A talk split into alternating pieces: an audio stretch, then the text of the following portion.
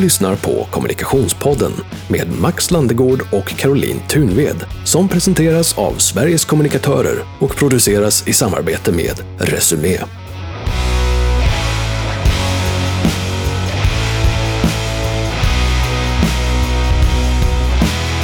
Varmt välkommen till Kommunikationspodden med mig, Max Landegård och Caroline Thunved. Caroline Thunved och Max alltså som tillsammans programleder Kommunikationspodden nu under hösten. Eh, vi fortsätter med vår eh, lilla valspaning här och eh, dagens gäst är Helena Salomonsson. Tidigare vice VD med kommunikationsansvar för Riksteatern och också har hon jobbat ganska mycket i den ideella sektorn som mm. jag har förstått och nu mera så är hon Socialdemokraternas kommunikationschef. Vad är vi nyfikna på där? Nej, men jag blir, jag blir supernyfiken på just det här att gå från teatern till politiken och om det finns eh, likheter, och vilket det ju gör. Mm. Eller jag ska, inte, jag ska inte svara på frågan. Precis, och vi Men, kanske inte behöver ta in den. Nej, eh, och om det är några olikheter, det tycker jag är, är jättespännande. Mm. Mm. Absolut, det håller jag med om. Mm. Eh, jag har ju också hört att eh, Socialdemokraterna har en väldigt eh, aggressiv ambition på antalet dörrknackningar mm. inför årets valrörelse. Så jag, det, det skulle vara kul att prata lite med, mm. med Helena Salomonsson, mm. Helena Salomonsson om också. Så att eh, det, det ska bli spännande. Du som tycker om det du lyssnar på, eh, följ oss gärna på de olika poddplattformarna. Klicka följ, klicka gilla. Ge oss gärna ett betyg om du tycker att vi är bra. Om du inte tycker det så behöver du inte lämna något betyg. eh, och du får, eh, får gärna också tipsa om du har eh, förslag själv på gäster som du gärna vill höra i podden. Vem ska man mejla? Ska de mejla dig eller mig? Ah, man, jag, man kan mejla mig. Ja. Eh, jag har ju så, min kanske svårare, Caroline Thunved, att svkom.se. Det blir knepigt. Ni kan mejla mig också. Eh, max at storstadmedia.se, alltså max at storstadmedia.se. Ja. Sveriges kommunikatörers mejl, det blir som svkom och så. Ja, jo. Ja. Ja, ni får välja vilken ni vill. Jag tror att de som lyssnar är tillräckligt skickliga för att uh, ta reda på mejladressen också mm. annars. Eh, bra, då släpper vi in eh, vår gäst för det här programmet, Helena Salomonsson.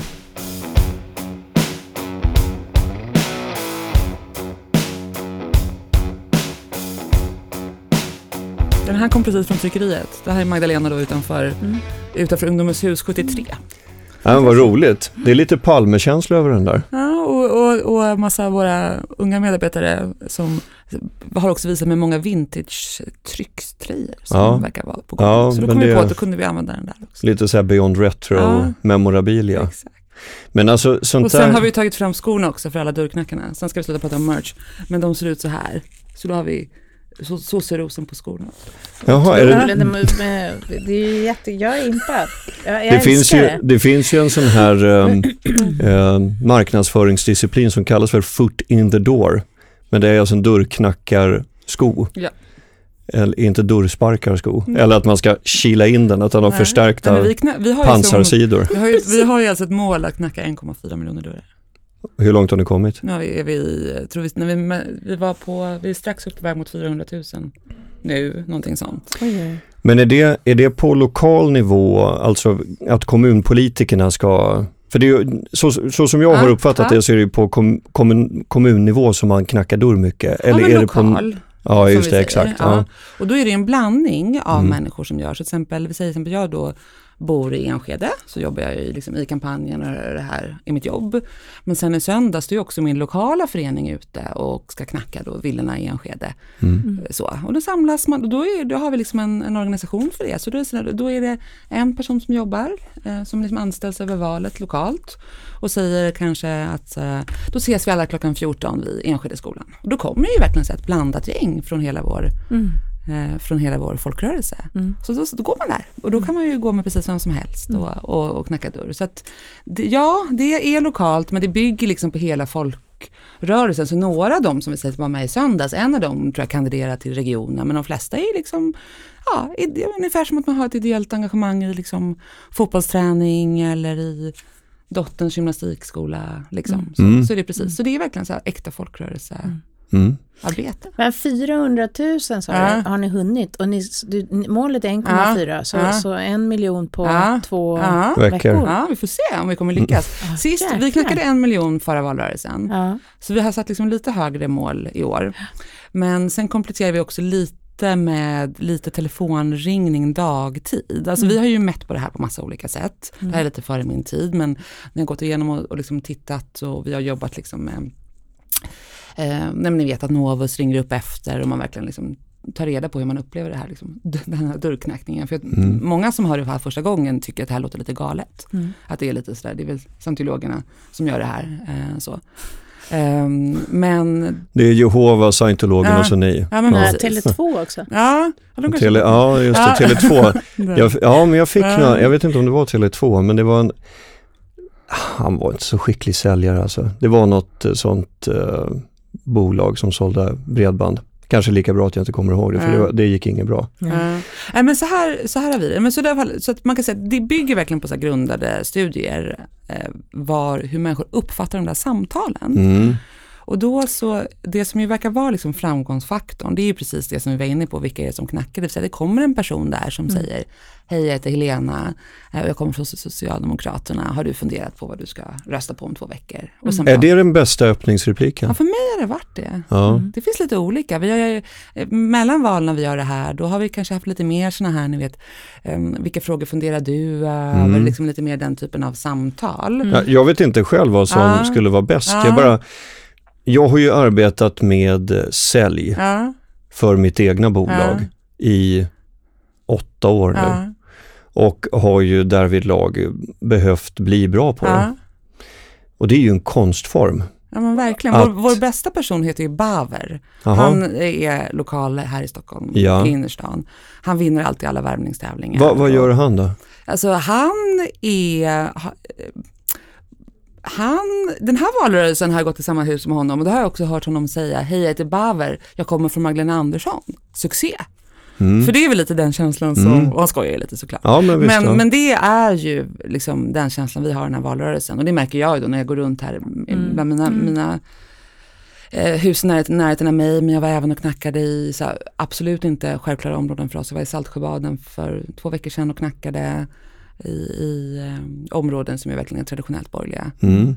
Och där är Mm. det är någonting annat att knacka nu än att knacka 2018.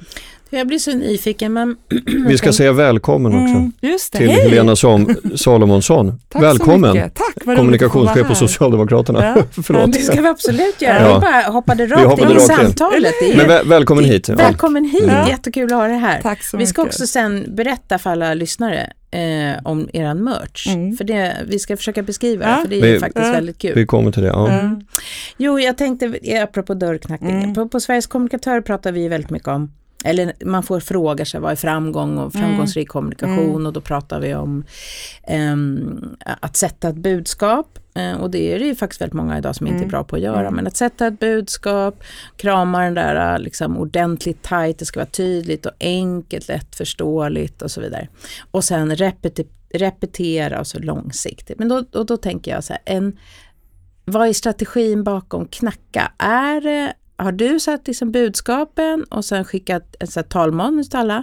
Eller är det personliga samtal? Jag vill säga kombination. Mm. Alltså för oss, apropå just det där som du beskriver, liksom budskapsdisciplin och hur man gör det och så, så man kan säga att för oss, den här gången så startade allting på kongressen i november. Då valdes ju Magdalena till ny partiordförande. Och då gjorde vi ett ganska, ett ganska stort jobb med vad vi ville att det skulle vara för någonting. Men det som var så häftigt och det som var så roligt i hela den processen, dels är det ju ja, men allting kring, kring henne som person, att hon är en person som alla som jag upplever som möter henne upplever liksom en rättfram person som säger som det är, ganska orädd, nyfiken så. Så liksom lite de elementen eh, skulle vi ha med. Och när vi började liksom ta fram och kika just på, på bildval och sånt så fanns det ganska mycket bilder då som var liksom den här personen som vi är vana att se på NATO-toppmöten och annat. Men vi vill ju också liksom hitta, hitta liksom lite balans med, med andra bilder för många av vi eh, som jobbade då kände inte henne så väl på det sättet men väldigt mycket av det fick beskrivet var också var ju en väldigt omtänksam människa kring sina liksom, medarbetare och tidigare medarbetare och familj och sådär. Så liksom försöka hitta lite det liksom bildmässigt. Men det som var häftigt och budskapsmässigt, det var kanske egentligen det vi skulle eh, resonera lite kring, det var det att hon i de här talen då, en kongress är ju som ett jätteevent. Jag tänker på, vi pratar lite bredare här, det är ju alla, alla ni och vi som har jobbat i kommunikation vet ju om att genomföra någonting på Svenska Mässan med liksom tusen deltagare i dagar, det kräver ju sitt, Ja, ja. sitt, sitt liksom arrangemang. Men det som blev liksom tydligt väldigt tidigt när vi började träffa henne och de som arbetade med hennes, liksom, hennes val, det var ju det att hon hade bestämt sig då för tre prioriteringar. Mm.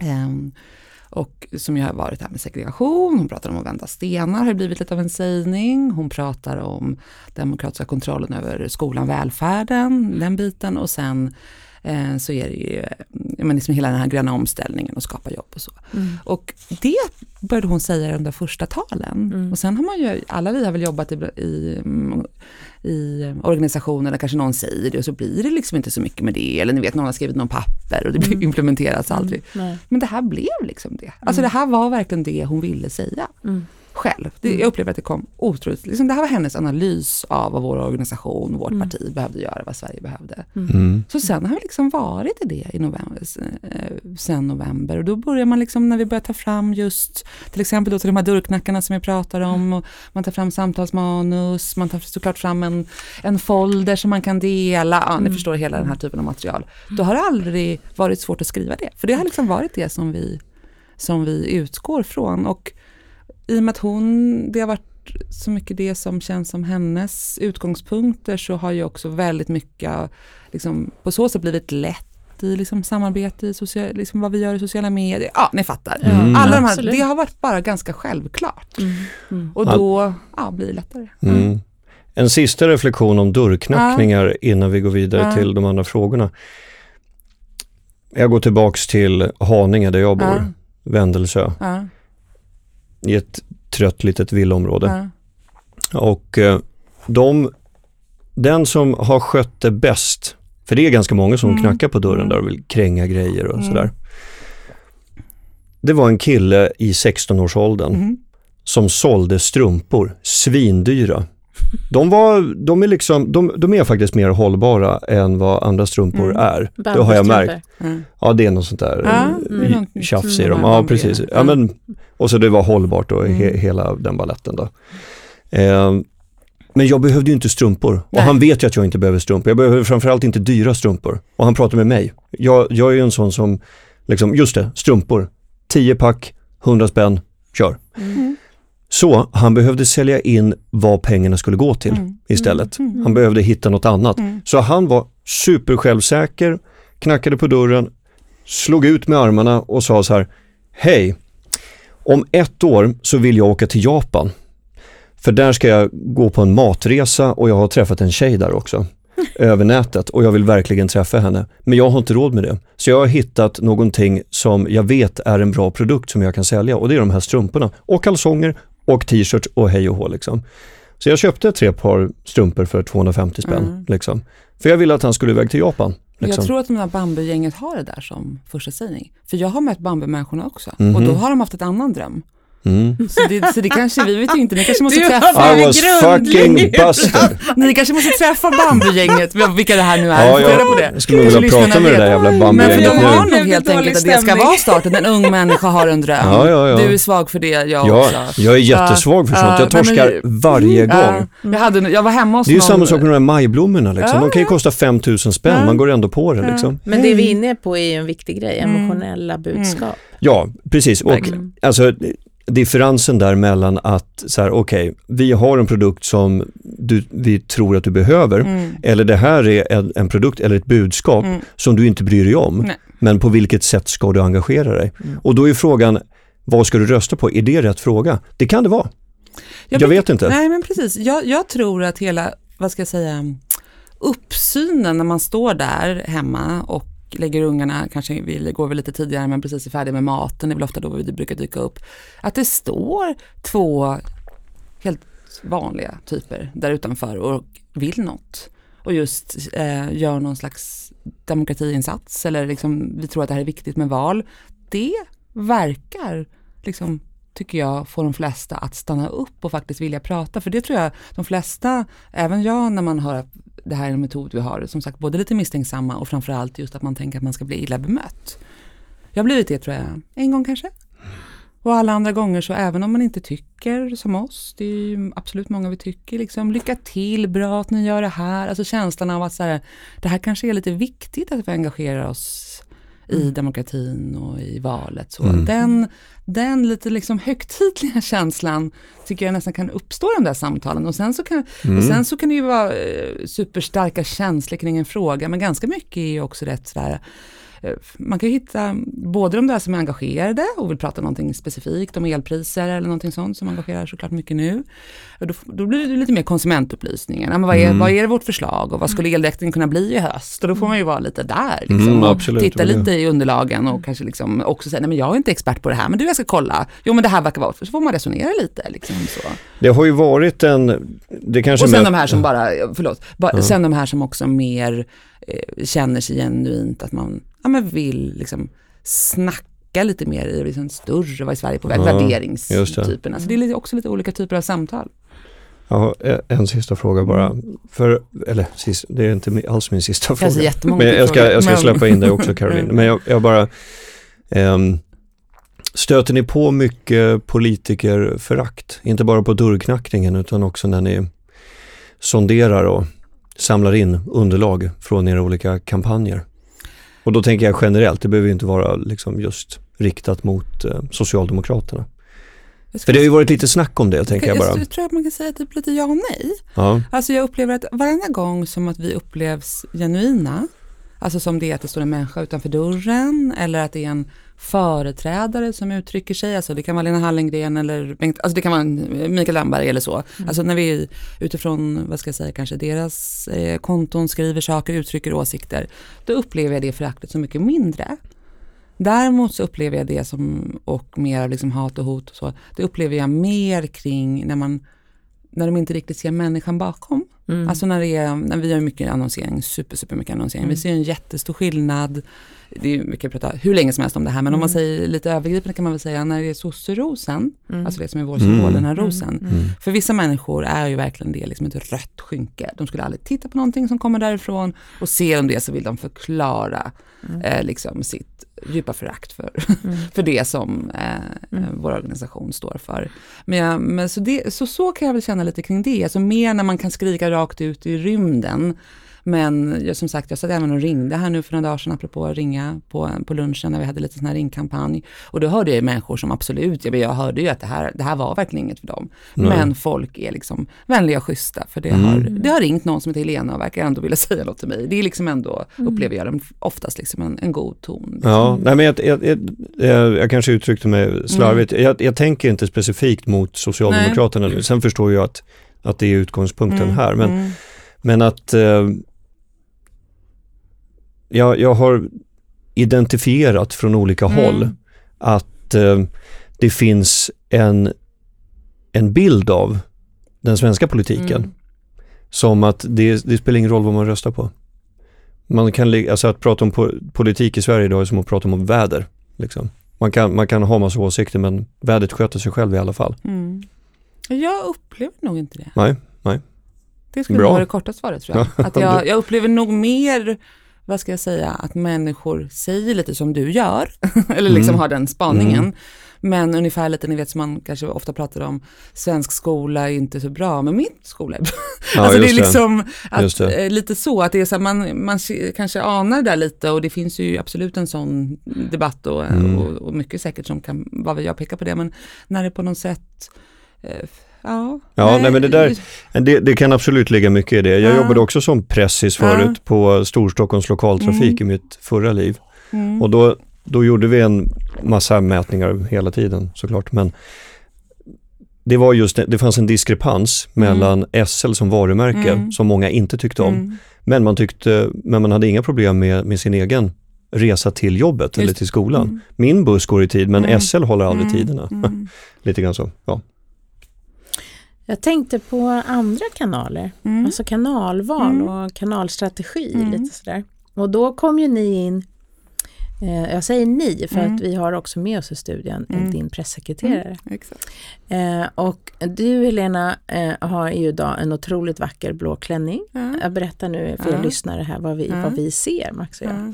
Och på huvudet har du en, en lila keps som det står Magda på och så har du badges här, det kallas för badges Ja, det Mm. Med rosen och så är det Magdalena säger jag. Och så har du berättat också för du visade din fot, era röda gympadojor, Mm. alltså dörrknackardojorna. Mm. Och sen sitter du Matilda med, med en jättefin ny alldeles från eh, rykande het från pressarna t-shirt som vi ser då Magdalena i ung ålder. Mm. Och du Max, det var faktiskt ganska lite, lite likt Olof Palme. Liksom. ja, det var Palme-feeling över Ja, det. Mm. Palme-feeling.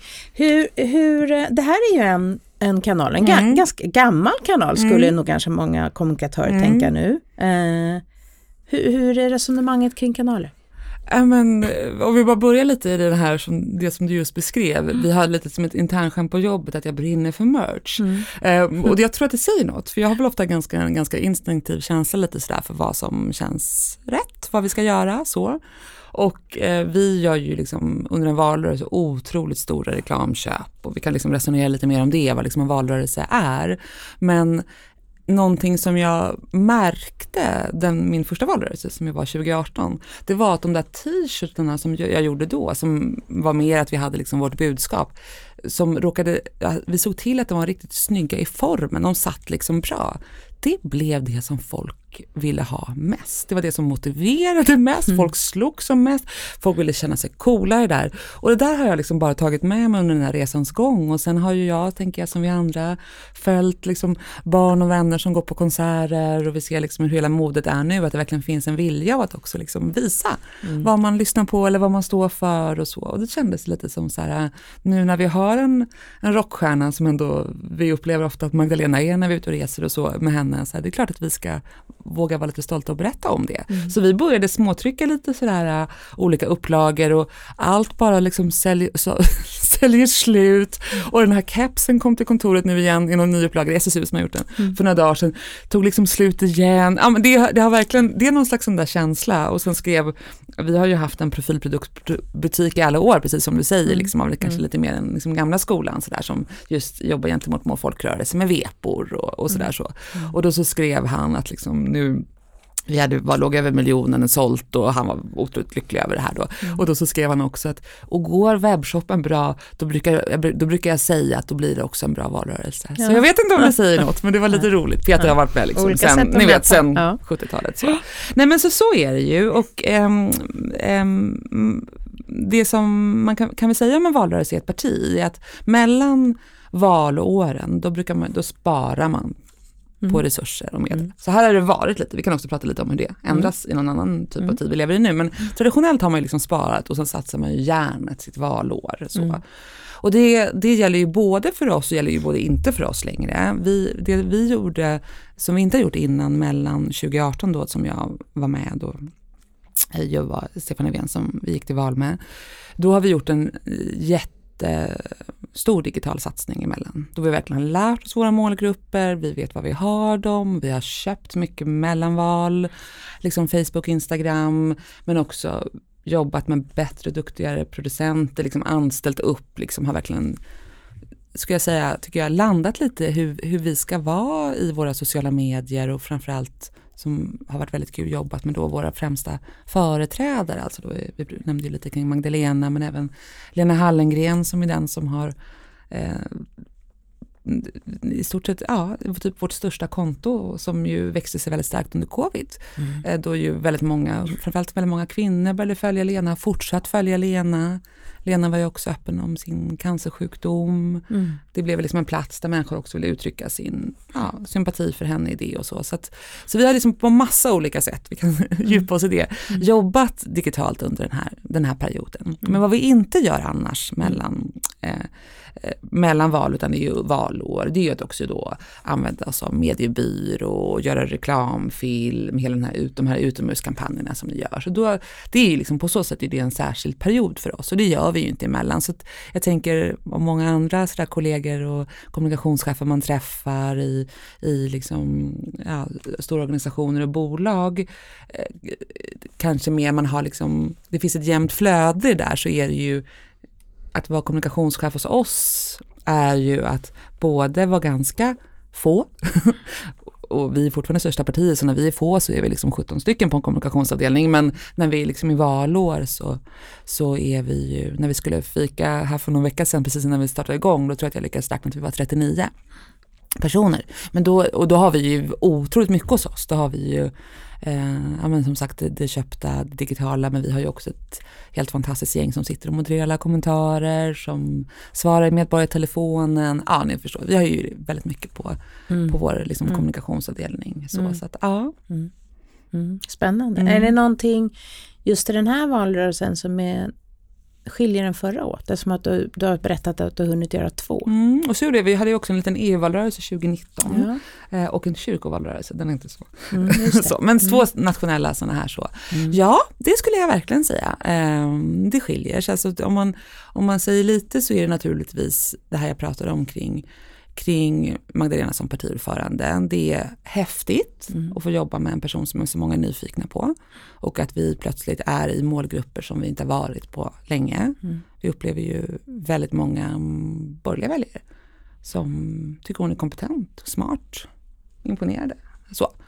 Eh, som absolut inte varumärkesmässigt identifierar sig som socialdemokrater men man eh, kan tänka sig att lägga sin röst ändå. Det är, liksom, mm. det, det, det är något nytt. Mm. Och det tror jag att man kanske, jag menar, nu är debatt, en debatt om man tittar på tv och så då, och i tidningar och sådär, då kan det synas lite, men det där blir mest uppenbart när vi är ute och reser med henne.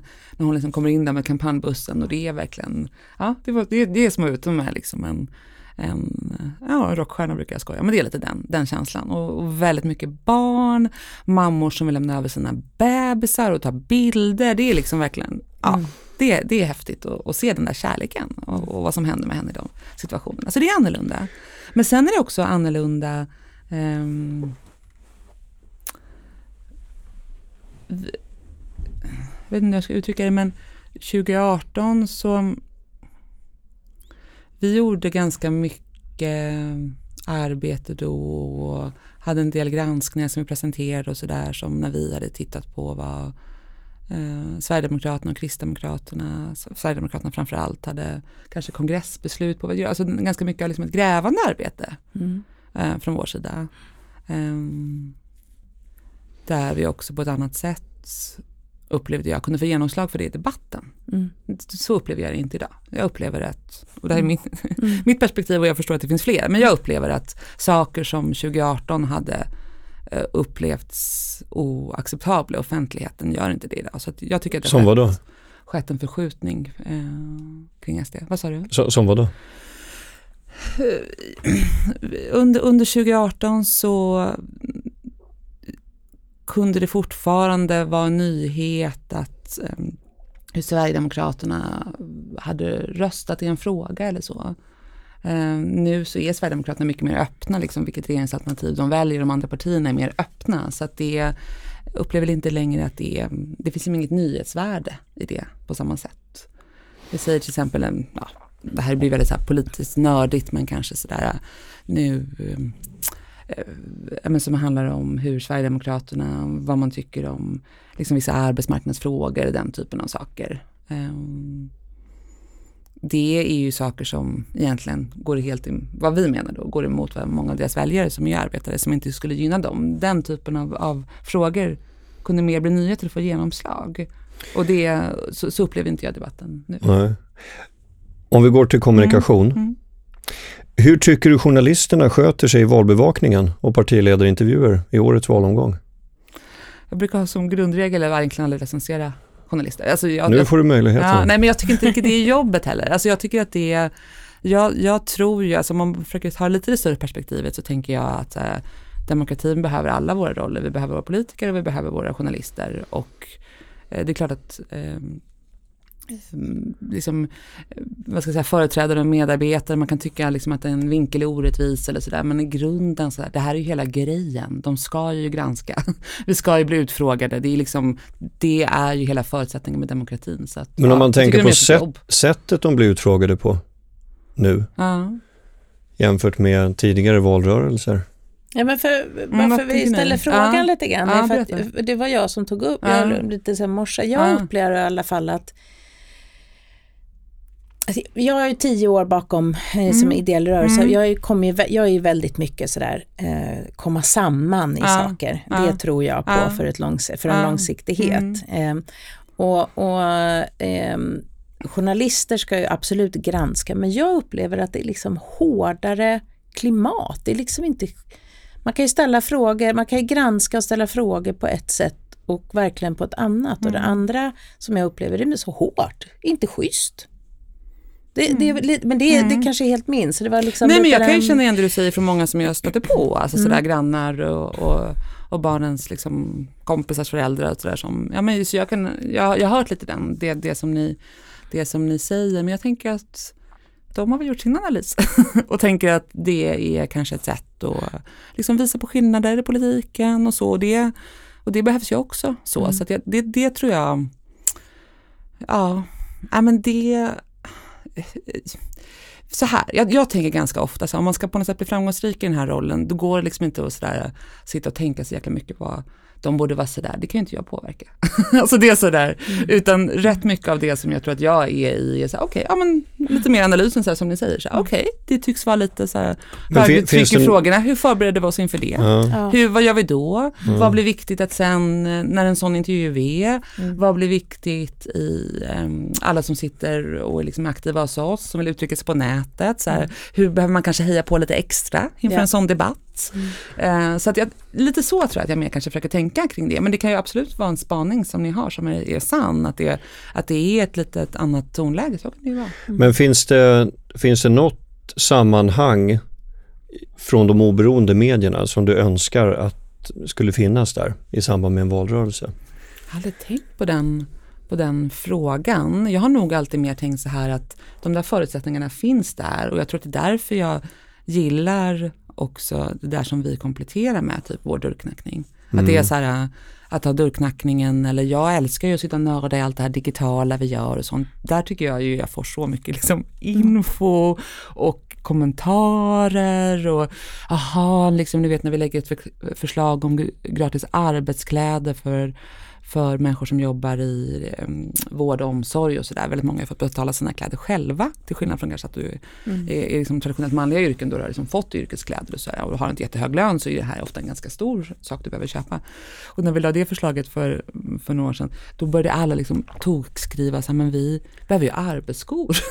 det här är inte, alltså arbetskläder och arbetsvärdelöst, det är ju arbetsskor som är grejen och så börjar man liksom grotta i det där, jaha okej och nu la vi faktiskt ett förslag om arbetsskor i den här valrörelsen. Sådana där grejer tycker jag är, jag vet inte, det ger mig nog mer energi i jobbet tror jag än att, än att fastna för mycket i det där, liksom de där förutsättningarna medialt. Jag ser nog lite mer på som att det där är bara lite givet tror jag. Sverige kan bättre. Vårt Sverige kan bättre. Vårt Sverige kan Mm. bättre, precis. Hur kom ni fram till den, det budskapet? Också en Magdalena-sägning. Hon började använda det i sina tal. Hon Så det, hon började använda det och så tänkte ni, det, men just det tar vi rygg på, eller liksom. var, kom det från er? Nej, Så det, det är hennes ord som Ja, sen blev en precis. slogan. Hon började, hon, började jobba, hon började prata lite just om Sverige kan bättre, Sverige kan mer. Det började komma lite där i början av året. Sen eh, så, och lite det som jag var inne på också, hur det började med för oss med kongressen med Magdalena, att hon är en liksom, tydlig chef och ledare. Det här, hit ska vi liksom. Så då kändes det naturligt att börja det.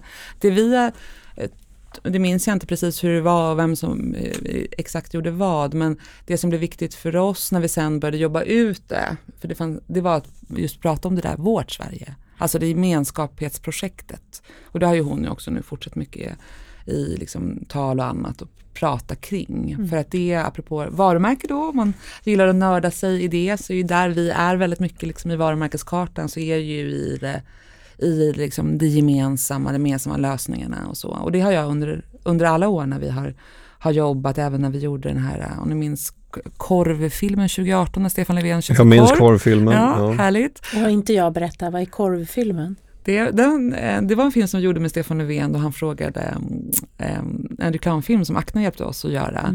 Då han går till en korvkiosk och så Ja, ja. frågar de vad vill du ha? Ja, Och så köper han, han ska köpa en korv och sen så följer man med honom i massa situationer. Vad blev bästa politiska reklam? Ja men precis, för de, världen. de säger, ja, Ja. vad vill du ha? Frågar Ja. ju kioskägaren. Mm. Och då förväntar sig ju kioskägaren att han ska beställa något käk eller Ja. vad, vad han nu Ja. har. Ja. Och då, säger, då går ju han in på politiken. Jo, men jag det. vill ha och så det. hej och hå, samhälle liksom. och så Ja, står han liksom. på fotbollsplan med ungar och så. Ja, det. exakt. Så det. den Och blev sen en tillba- världens bästa film, alltså ni vet Ja, i- ja. globalt. Fick någon statyett. Ja. Sen, sen kom han tillbaka till korvkiosken. Och då säger han, ja och sen korv också. Nej, och så Ja. frågar han, och vad vill du ha? Jaha, var det så det var? Ja, Det okej. lägger vi till där. Mhm. Mm, så det var apropå en sån här liten manusgrej och så. Men du, om Ja. det här med Mm, ja, Vårt det- Sverige kan mm, bättre. Mm. Jag tycker att det låter som ett oppositionsparti. Ja, Ja, det är ju ett oppositionsbudskap. Ja men det är ni ju inte. Nej, Nej, vi... ni har ju suttit vid makten hur länge som ja, helst. nej men det är ju en tanke bakom det, Ja. som just är fyra nya år. Precis. Och att Magdalena har tagit över och vill göra något mer. Så det är precis, du har fattat det rätt. Ja, det är ett sätt att tack. vara, och vara lite i varför- opposition mot oss själva. Exakt, varför är, sätter man sig i opposition eh, när man inte är det? Så att Ja, för att fort, alltså det är två saker. Rent i sak så, eh, ja, haft regeringsmakten, men har jag har ju inte haft majoritet i riksdagen. Så att det är inte en så här superenkel att- att sak att prata med väljare om, men så är det just. Det Så att för varje förslag så har det ju varit någon typ av liksom, oppositions, eh, vad ska jag säga, position som man hela tiden behöver lösa med de här olika liksom, eh, samarbetena och, och hitta personer som vill stödja förslagen och så. Men sen är det lite, där, lite som jag var tillbaka i, en ganska genuin känsla som jag upplever hos Magdalena, att så här, ja, men hon tycker faktiskt det här. Hon tycker att vi har gjort en massa bra grejer, de brukar hon ta upp i debatterna, vi har gjort allt det här och det här, men vi kan mer, vi kan bättre. Så att därmed känns, liksom när hon har satt den tonen, då kändes det som ett ganska naturligt budskap att ha. Men det jag ville komma till där med, med både det och med, eh, med även genom åren då som sagt när vi har gjort filmer och annat, när vi liksom eh, ja, men, i lite olika faser. Vi gör inte jättemycket sånt, men det är att man låter lite fokusgrupper, andra tittar lite på vad man gör och får liksom kommentarer och även det som sagt, vi ser mycket i digitala. Så, så i vår balans är ju hela tiden att vara i lösning och vara i det positiva. Så fort vi blir för svartmålande och så fort vi inte erbjuder en lösning, då blir folk galna på Socialdemokraterna. Mm. Alltså vi måste, vi liksom, så vi kan absolut vara i så här, vi ska åt något håll, men därför vill vi de här sakerna. För, då blir vi helt tokiga. Och blir, vi för, blir vi för fluffiga, så där vindarna blåser åt det här hållet, Mm. då, då, då är man bara så här, vad fan snackar ni om? Mm. Det som kanske funkar superbra kanske för Centern eller ett parti som liksom har det i sin, är där på varumärkeskartan. Jag blir också så nyfiken, jag, jag byter, skiftar lite Max, Mm. eh, riktning här i vårt samtal. Mm. För Helena, vem är du? Ja, ja men jag är Helena och jag eh, jobbar idag som kommunikationschef Mm. för Socialdemokraterna och har gjort det som sagt sedan november 2017. Mm. Men har ju liksom en, en bakgrund eh, som ju både är liksom till viss del i kommunikation, apropå det vi pratar om idag, men har ju också rört mig i lite olika sammanhang där liksom engagemang, folkrörelse, samhällsförändring har, har varit viktigt. Så att jag har väl helt enkelt sökt mig till sådana sammanhang sen jag började jobba när jag var färdig med mina polmagstudier en gång i tiden i, i Göteborg. Så jag läste ju statsvetenskap och, Mm. och sånt. Ja. Mm. Ja, spännande, för jag, det är klart man alltid läser på Ja. lite innan. Och Jag såg att du eh, bland annat har varit vice vd på eh, Riksteatern Ja. och då tänker jag som kommunikatör, eh, skillnaden och likheterna mellan teater och politik. ja, jättemånga. Ja. Så det kan man prata om. Nej, men två saker. Ja. Det ena är ju att Riksteatern är en folkrörelse också. Ja. Riksteatern har det här arrangörsledet. Ja. Det är ju 250 teaterföreningar som arrangerar. Så det är ju, jag är ju uppvuxen i, i Stockholm och i Stockholms innerstad. Så Riksteatern var, jag var, var ju ganska ung när jag var också var på, det var ju liksom en av mina mm, första liksom, den typen av lite mer omfattande jobb. Så, så att ehm, det var där jag verkligen fick min skola i liksom, svensk folkrörelseliv. Jag har verkligen stått på en utanför en scen i Grums och undrat om någon ska komma och köpa biljetter och Mm. varit med arrangörsföreningar i i Norrbotten som där utmaningen är liksom inte att eh, åka om det tar tio minuter att komma till teatern utan det tar liksom en och en halv timme, hur säljer man biljetter då? Så att det skulle jag säga, det har präglat mig och präglat mig väldigt mycket fortfarande apropå att Socialdemokraterna är dels allt det nationella vi beskriver men är ju också en folkrörelse mm. med alla de här mm.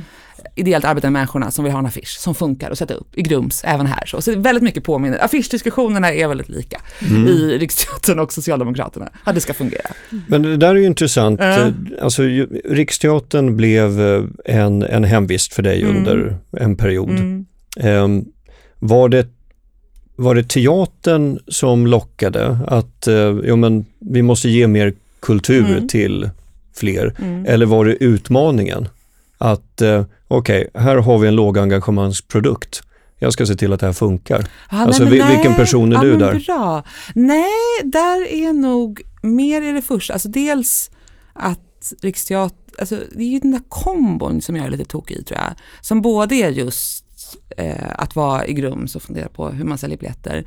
Men också liksom mötet däremellan. För det som är ju häftigt med Riksteatern men även det som är häftigt och roligt med politiken är ju alla människor som liksom vill något i organisationen på alla nivåer. I Riksteatern så var det ju ständigt en pågående diskussion mellan liksom konstnärerna kring förutsättningar, kring att ja, men vi vill kunna eh, ha en pjäs som är så här lång för då vi har någonting att säga och teaterföreningen säger nej men vi får inte hyra Folkets hus längre än en period. Alltså det var så otroligt mycket i den där dialogen som var så lärorik kring hur det skulle kunna vara och jag för mig är det ju så här, den största magin är ju när, när ehm, liksom scenkonstnärer får komma och möta en publik. Det är liksom elektriskt. Då. Så det, det, det, att på olika sätt försöka möjliggöra det var väldigt roligt.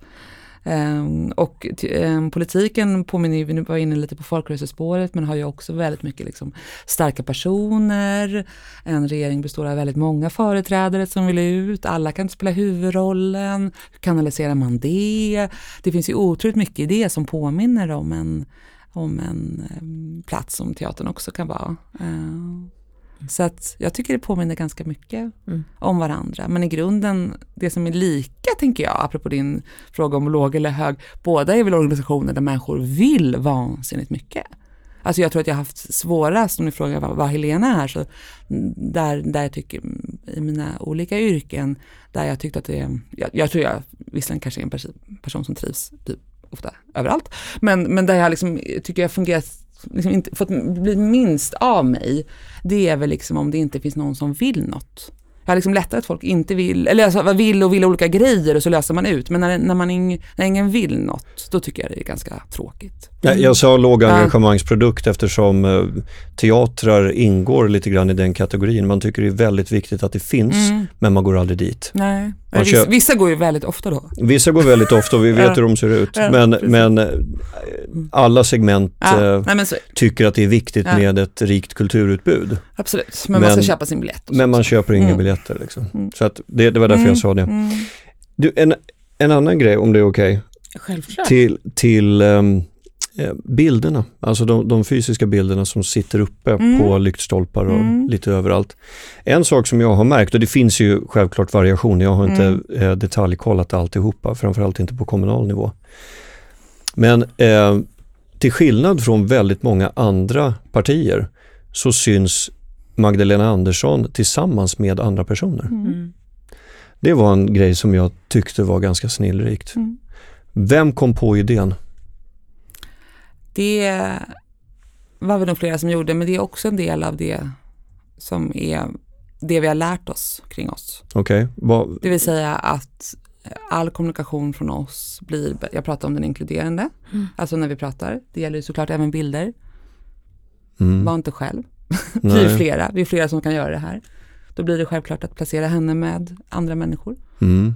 Ehm, jag, jag, tycker det är ganska lätt när man liksom, om man tar på sig liksom eh, de där ögonen så kan, då blir ju alla partiers kommunikation ganska logisk. Ja, liksom. ja, jo, det, Moderaternas eh, person som står själv, det är också ett parti som är mycket mer orienterat. Vi är ett kollektivistiskt parti. Det blir naturligt att ställa Nooshi Dadgostar står också själv. Ja, det noterar jag. Så att, ja, ja. De, de frångick sin varumärkesstrategi. Ja, ja. Jo, men jag, jag har liksom alltid tänkt det mm. om, eh, och jag menar det, det är ju lätt att, att, låta som att man är värsta eh, profeten här. Mm. Eh, så att eh, Det är ingen som kan kolla det, men jag har alltid tänkt det. Varför står alltid partiledarna Mm. själva Mm. när de, ja, varför står de inte med en representant Mm. till väljarskaran? Och då, det var väldigt elegant att jag Mm. kunde se det där. Vilka, vilka kanaler får ni mest konvertering på? Vilka kampanjer och insatser? Det är så svårt att säga tycker jag. Om man tänker egna kanaler respektive Mm. de oberoende kanalerna. Ja. Ja, men det där är så svårt, det känns som det är o... Det är som alltid liksom, ja. Till skillnad från kanske försäljning eller annat så är det ju alltid väldigt, alltså det som händer i valbåset, det händer i valbåset. Så det måste man på något sätt alltså också komma ihåg. Sen kan vi ju se att liksom, vissa kampanjer tar människor mer in på vår hemsida. Alltså jag menar, det, är väl, det är ju på så sätt vi får liksom räkna och se. Men det tänker jag måste man på något sätt alltid komma ihåg att vi säljer inte vilken produkt som helst utan det är, det är återigen det vi pratar lite kring, kring liksom, demokratin så. Men man kan säga att det som fungerar väldigt bra för oss digitalt, eh, om vi börjar lite i den änden, då skulle jag säga att det fungerar, och det tror jag är lite viktigt att prata om eh, och har varit viktigt internt att prata om. Och det är därför ofta digitalt är så skönt, för då kan man visa när slutar folk kolla på filmen och när Mm. så. Det är att vara väldigt mycket längre i problembeskrivningen än vad ofta, inte Magdalena för hon är något annat, men vad ofta eh, vi i alla fall traditionellt har varit med våra företrädare. Politiker är duktiga, de vill visa att de har levererat. De är liksom, eh, här, här är mitt förslag. Och så vill man liksom prata jättelänge om hur det här förslaget ska vara. Utan vi märker att då, det folk är inte så sugna på det där.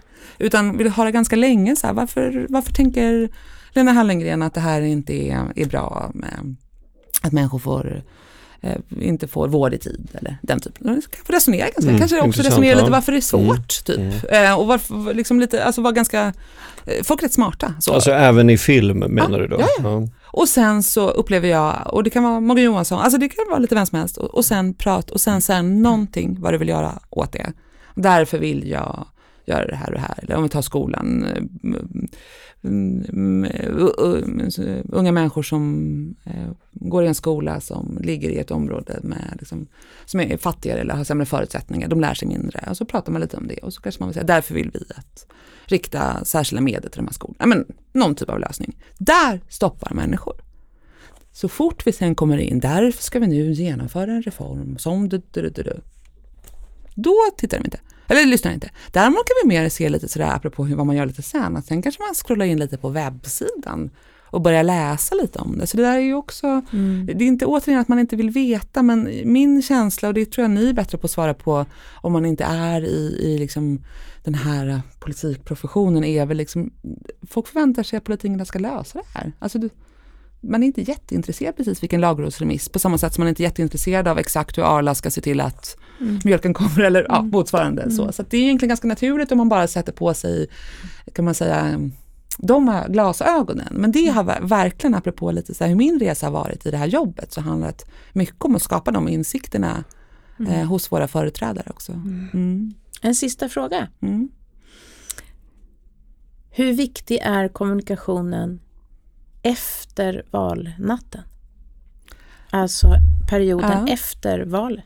Vi, jag såg att Moderaterna skrev i sin eftervalsanalys om att vi gjorde en bra eftervalsrörelse 2018. De, de gjorde inte det. jag tycker det säger lite. Eh, det vill säga, ja, den är jätteviktig. Mm. Eh, och det tror jag också är ett nytt landskap för partierna. Att egentligen om vi, om vi tittar lite på den mandatperioden som har varit så har det ju varit lite valrörelse hela tiden. I och med att det har varit så eh, osäkra förutsättningar. Och då behöver man vara där och det som jag har lärt mig av våra medarbetare, liksom ett kanongäng att jobba med och jag tycker de har varit så bra, liksom, hela vårt, vårt digitala gäng och andra att påminna om också. Och det är också apropå saker som kan vara lite o, vad ska jag säga, o, inte som att man är emot det, men det kan vara lite ovant i politiken. Lite så. Det är att också kanske säga något när man inte vet något. Mm. Att liksom sådär, ja, men till exempel någon gång under de här sista förhandlingarna var det väl med Magdalena och så med man satt liksom sena kvällar och sådär så liksom när men man kan faktiskt inte säga någonting för man har hållit på och förhandlar på nätterna. Så la ju Magdalena upp en jättefin bild hon kom och drog kaffevagn någon här sen natt med henne och, och en medarbetare och de skulle vilja in och ha någon ny förhandling och sånt där. Att lägga upp en sån där bild, Mm. det gör liksom världens skillnad. Det är människor som sitter och kämpar för att vi ska försöka få ihop någonting så Sverige ska styras liksom.